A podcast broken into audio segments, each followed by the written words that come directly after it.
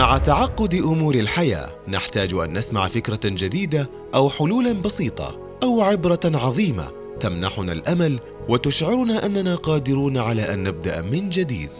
برنامج نقدر يمنحك كل يوم فكرة وأمل. نقدر وي كان وي كان برعاية مؤسسة سليمان بن عبد العزيز الراجحي الخيرية. السلام عليكم. تعالوا نفتش اليوم سوا على فاشل. عندي لك سؤال سريع وواضح ومباشر. هل أنت فاشل؟ لو كانت الإجابة بنعم فأنا سعيد أنك معي لأننا سنخطو أول درجة من درجات النجاح. أنا أتحدث جديا. إذا كنت تعيش في بحر من الفشل وكل محاولة تخوضها تفشل فشلا ذريعا فأنت بالفعل في طريقك إلى نجاح مبهر يتحدث عنه جميع من يحيط بك. ربما فقط تزداد فشلا في حالة واحدة سأخبرك بها بعد قليل. أنت تعرف طبعا أن للكون من حولك قواعد معينة يسير بها. مثل قانون الجاذبية وقانون الشيخوخة وقانون نزول المطر وإلى آخره من قوانين. أريدك الآن أن تضيف قانونا جديدا ثابتا من فضلك. يقول بالنص الفشل الذريع هو أول خطوة للنجاح الباهر.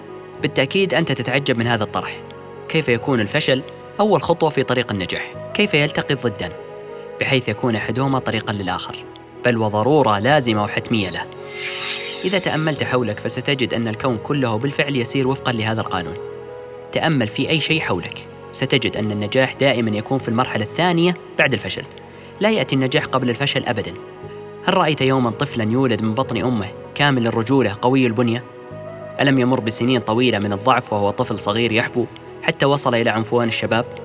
هل تريد أن يولد نجاحك مكتملا مبهرا بدون فشل وألم ومعوقات تقود إليه؟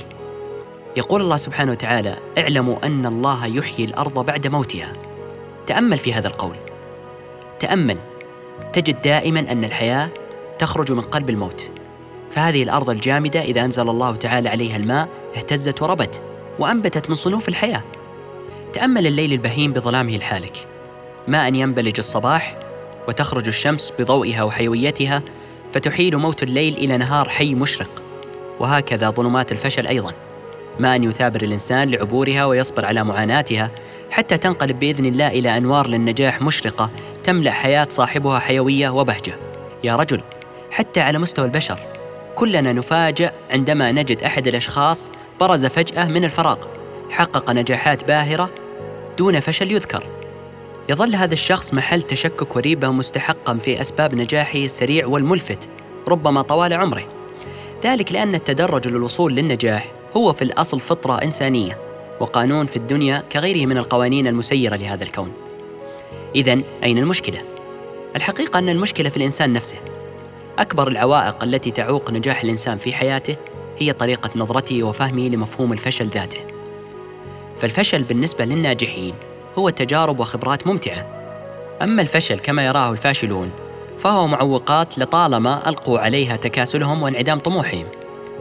إخفاق المرء في تحقيق أحد أهدافه ليس فشلا بقدر ما هو تغذية بمعلومات جديدة وخبرات مكتسبة تعود للشخص من خلال هذه التجربة. أنت لا تتصور حجم التغيير الذي يمكن أن يحدث في حياتك إذا غيرت اعتقادك ووجهة نظرك عن تجاربك الفاشلة.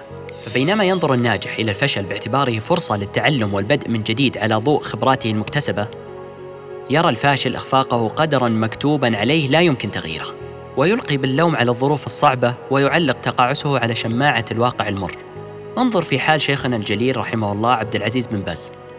كان مبصرا يرى النور بعينيه ثم قدر الله أن يذهب نور بصره. ذهب بصره واشتعلت بصيرته. فاجتهد في طلب العلم حتى تربع على رئاسة هيئة كبار العلماء.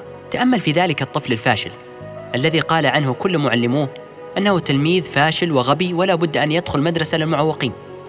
هو نفسه الذي استطاع فيما بعد اختراع المصباح الكهربائي الاختراع الذي غير وجه الإنسانية بعد الكثير من المحاولات الفاشلة إنه أديسون.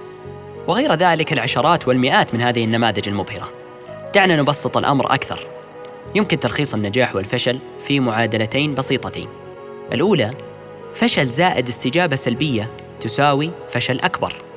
والثانية فشل زائد استجابة إيجابية يساوي نجاح مبهر. لاحظ أن العامل المشترك بالنسبة للمعادلتين هو الفشل ولكن نظرتك لهذا الفشل طريقة استجابتك له وتعاطيك معه هو العامل الوحيد الذي يحوله إلى نجاح مبهر ساحق. ويبقى الكلام مجرد كلام إلى أن يدخل حيز التنفيذ. برنامج نقدر من إعداد وتقديم سعد الحمودي. هذا البرنامج برعاية مؤسسة سليمان بن عبد العزيز الراجحي الخيرية.